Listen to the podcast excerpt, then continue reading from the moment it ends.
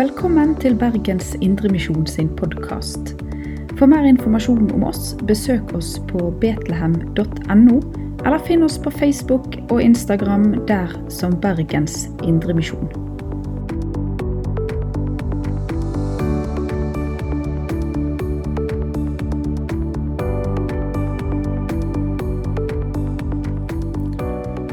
Velkommen til gudstjeneste. Kjekt å se dere alle sammen. Og så er det vår bønn at det skal bli en gudstjeneste som setter spor i våre liv. Og det må vi be om. Vi takker deg, Herre Jesus, fordi at du kommer til oss enda en gang. Og så ber vi om at du ved din ånd gjør ordet ditt levende slik at det får tak i vårt liv, vårt sinn, vår holdning og vår atferd. Og vi ber, Herre, om at du former oss i denne adventstid, slik at vi er beredt til å møte deg. Vi ber om det i ditt navn. Amen. Prekenteksten på den tredje søndag i advent er fra Matteusevangeliet, kapittel 11, og fra vers 2, og vi reiser oss. I fengselet fikk Johannes høre om alt Kristus gjorde. Han sendte bud med disiplene sine og spurte, Er du den som skal komme, eller skal vi vente en annen? Jesus svarte dem, Gå og fortell Johannes hva dere hører og ser. Blinde ser, og lamme går. Spedalske renses, og døve hører. Døde står opp. Og evangeliet forkynnes for fattige. Og salig er den som ikke faller fra på grunn av meg. Hellig oss i sannheten, ditt ord er sannhet. Amen.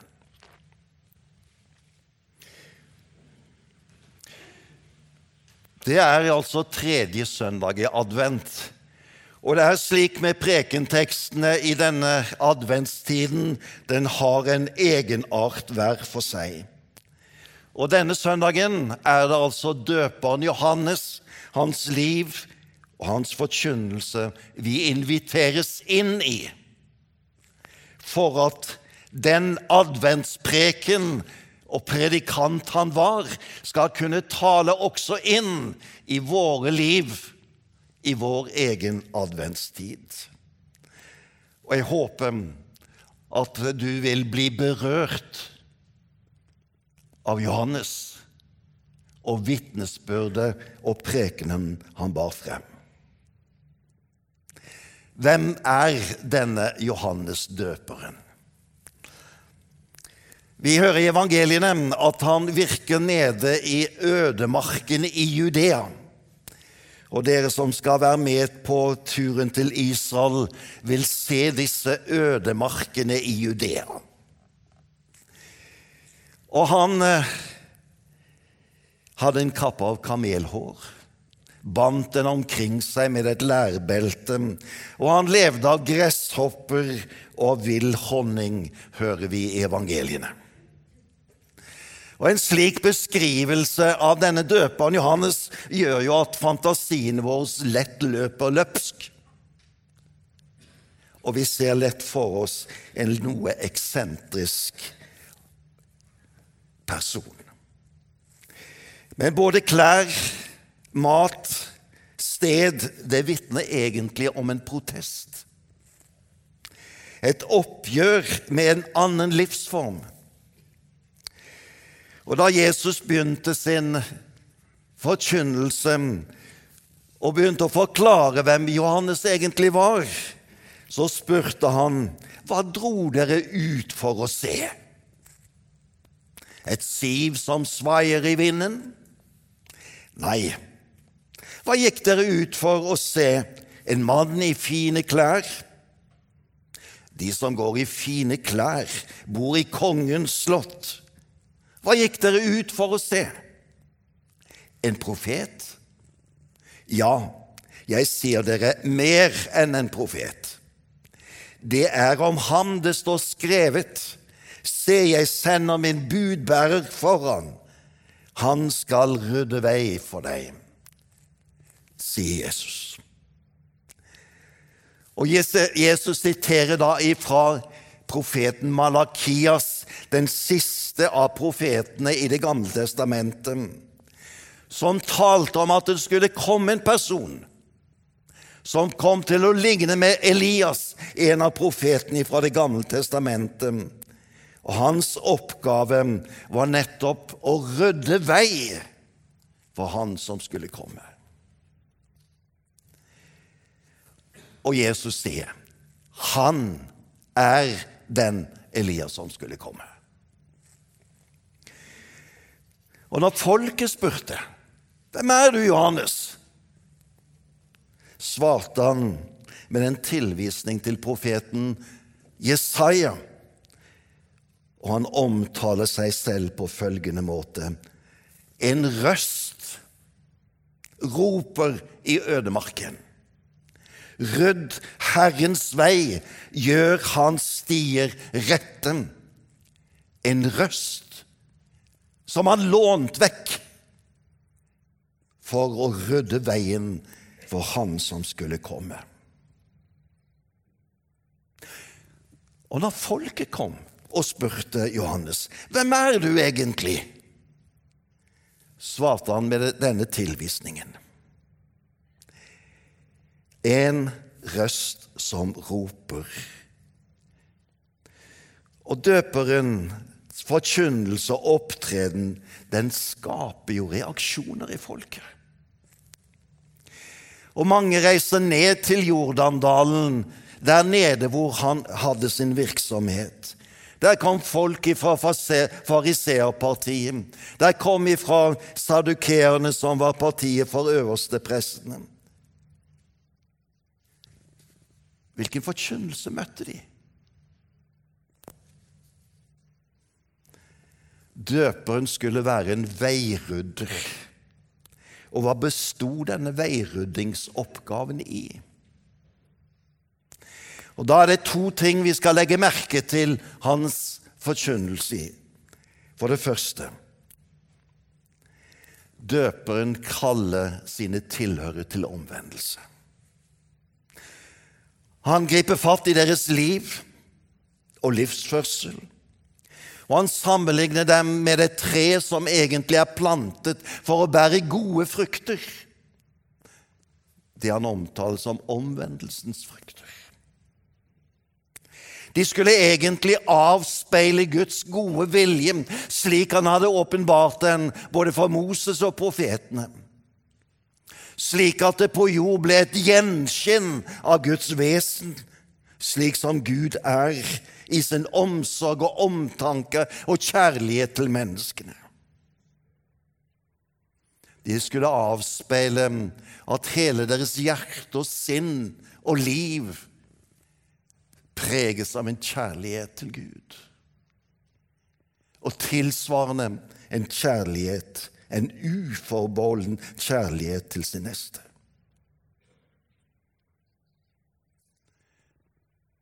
Og så sier Johannes for at dere skal komme i den situasjonen at dere blir omvendt til ham, slik at dere kan se det som kommer.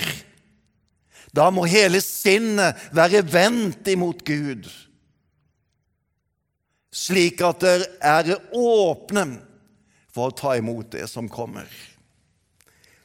For å se og erfare at Guds løfter går i oppfyllelse. For omvendelsen har til sikte å plassere den enkelte i en slik livssituasjon at en kan se hva Gud gjør. Øyner ører, sinn og tanke måtte åpnes opp, slik at det var mulig å se hvordan Gud oppfyller sine løfter, og komme dem i møte gjennom Han som er Guds Messias. Guds rike var kommet nær. Alt det Gud hadde talt om skulle skje, var nå i ferd med å skje fordi Hans Sønn Jesus Kristus stiger inn på denne jord.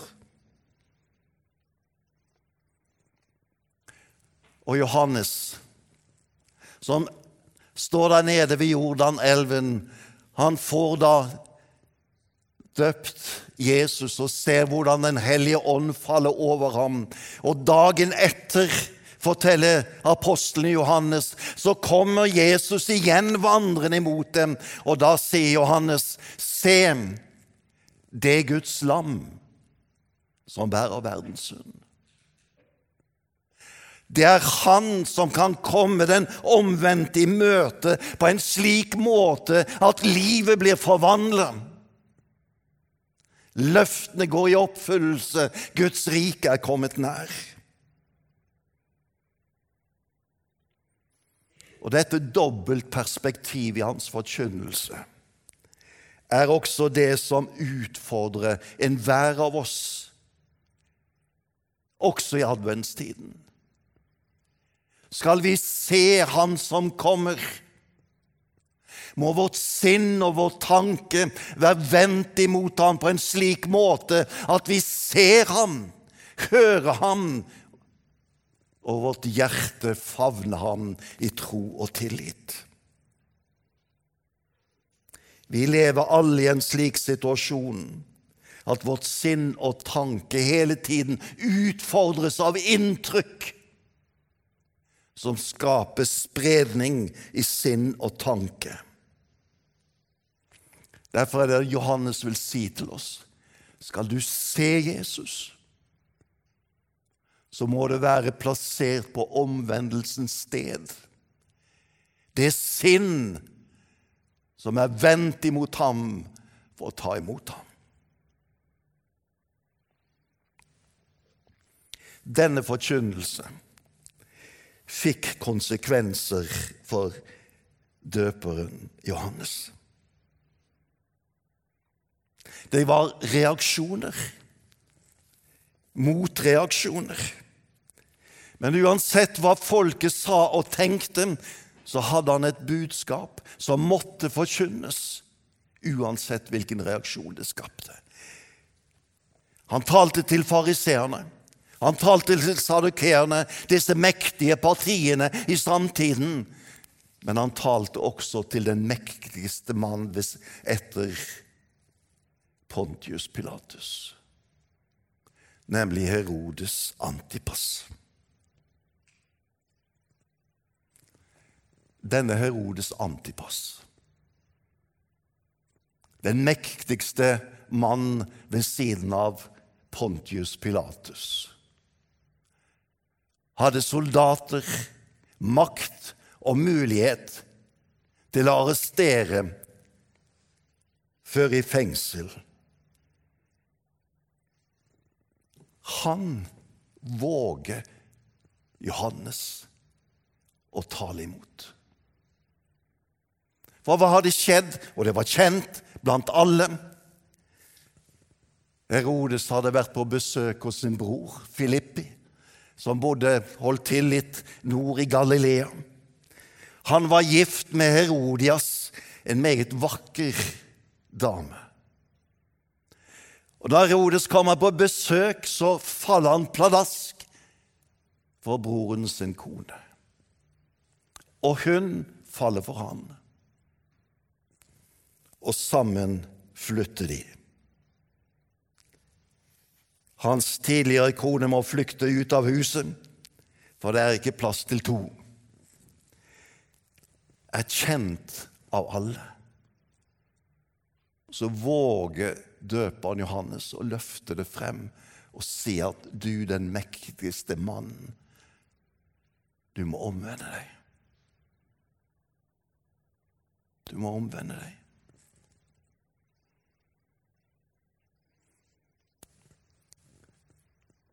Og reaksjonen kjenner vi.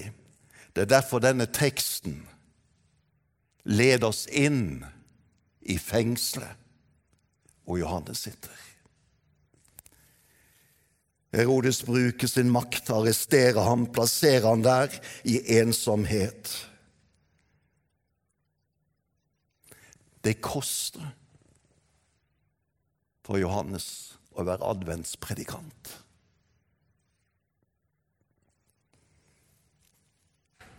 Og det kan koste også i dag, i vår verden, å være en veirydder for Herren.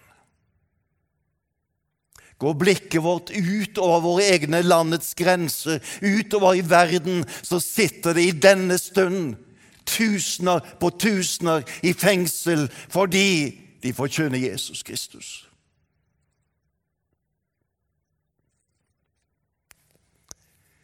Også vi som predikanter i Norge kan kjenne på at det er kanskje vanskelig å tale om alt det som Guds ord taler om. Det er så lett å tilpasse slik at ingen skal støtes. Og slik kan makt og myndigheter omkring oss være med på å binde predikanter døperen sto frem som veirydderen for at de skulle se Jesus. Uansett hvem han talte til, så var budskapet han det samme. Skal vi være en adventspredikant med det budskap som Johannes hadde, må også vi tale slik. Du ser ikke Jesus som din frelser før du står der og vet at han er den eneste redningsmannen. Han er den du trenger.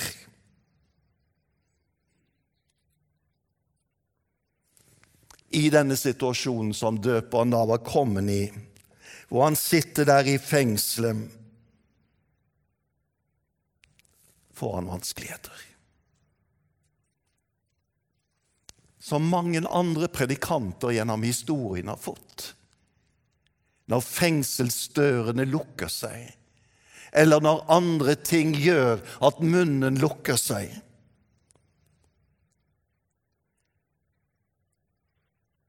For Johannes var det spesielt. Og En kan jo spørre hva var det som egentlig var hans store tvil eller vanskelighet? Og Det er nok en diskusjon omkring hvordan en skal presist prøve å beskrive den. Men jeg tenker døperen Johannes hadde stått frem som veirydderen som skulle vise til Jesus, han som skulle komme. Nå sitter han der bak låste dører, og hele hans budskap og mulighet til å stige frem i forkynnelsen er der ikke lenger. Er min tid forbi? Er min tjeneste fullført? Jeg kan tenke meg at det er en av de vanskelige spørsmålene som kommer til Johannes der hvor han sitter. Er du den som skal komme, eller skal vi vente en annen? For døperen hadde fått høre ryktene om hvordan det hadde gått videre med Jesus i hans virksomhet. Nå bredde dette ryktet seg, og det nådde like inn bak låste dører i det fengsel han satt. Og Derfor kom dette spørsmålet til ham. Er min tid nå forbi? Kan jeg nå slappe av i tro og tillit til at min tjeneste er fullført? Spørsmålet som reiser seg i Johannes døperens bevissthet, må ha et svar.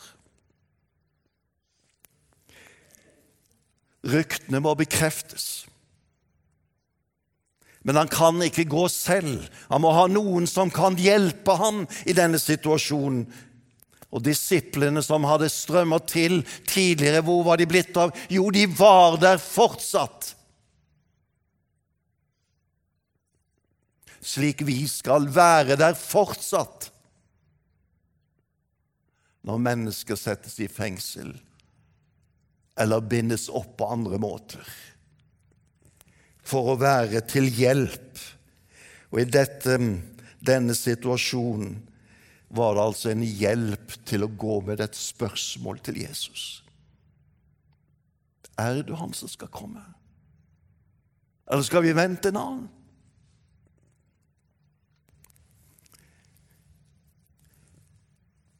I livet trenger vi noen ganger slike som kan stige inn ved vår side. Være vår samtalepartner. Være den som er villig til å vandre sammen med oss og lede oss i den retningen hvor svaret kan gis, nemlig til Jesus Kristus.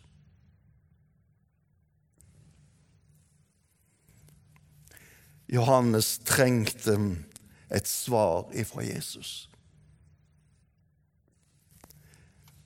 Og han får svar tilbake. Men ikke et slikt enkelt ja-nei-svar, men en beskrivelse av det disiplene ser og hører.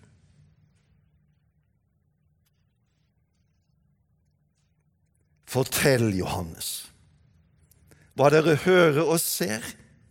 Blinde ser, lammet går, spedalske renses, døve hører, døde står opp, og evangeliet forkynnes for fattige.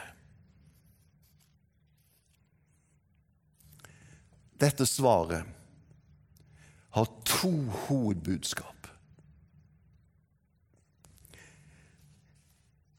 For det første så er det en beskrivelse av hvordan Guds forløsningskraft stiger inn i en fallen verden preget av smerte, sykdom og død.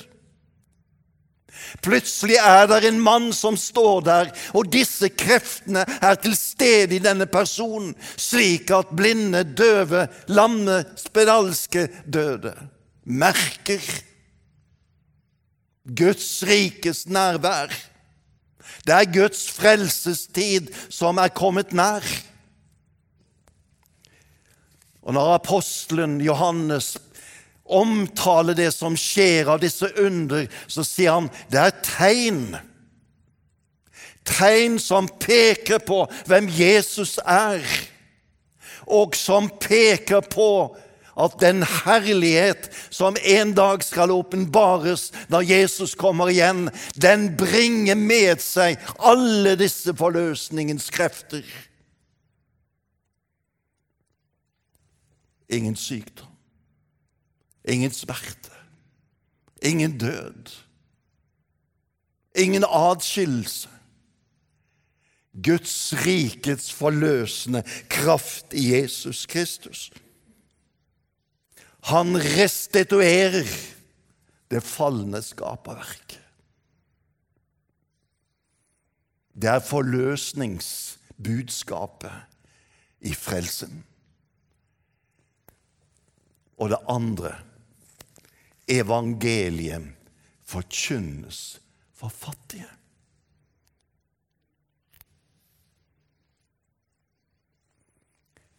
Evangeliet er det budskap som åpner himmelrikets porter. Det er det sted hvor du får inngangen til dette Guds rike. Det er der de fattige står, som vet at inn i dette riket er det bare én vei. Og det er den veien som Jesus Kristus selv er når han bringer frelsen ifra synd, skyld og dom. Det er Han som er det Guds lam som bærer verdens synd. Og den som ser det, han ser døren inn i dette forløsende riket som en gang skal bringes frem. Evangeliet som åpner himmelrikets porter for de fattige.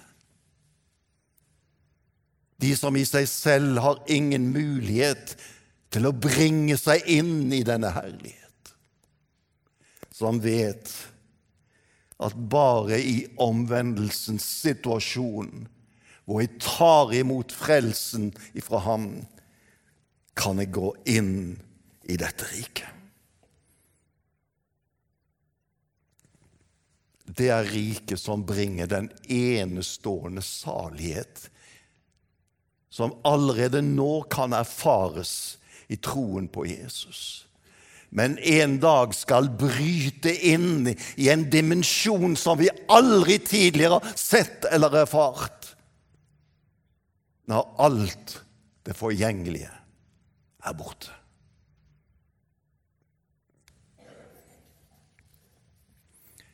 Han som kom, han kommer også denne tid. For at vi skal få se ham, slik at vi kan være med ham når han kommer igjen.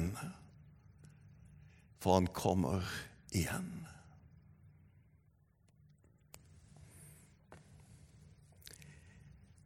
Adventstiden.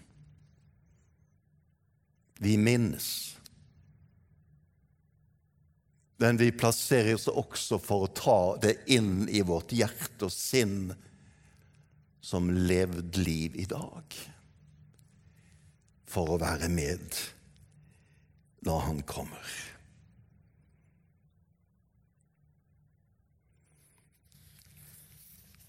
Så skal vi til slutt i dag,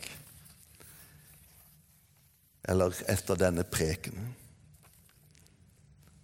For en av de mektigste julesangene, sungen av Jostein. O helga natt.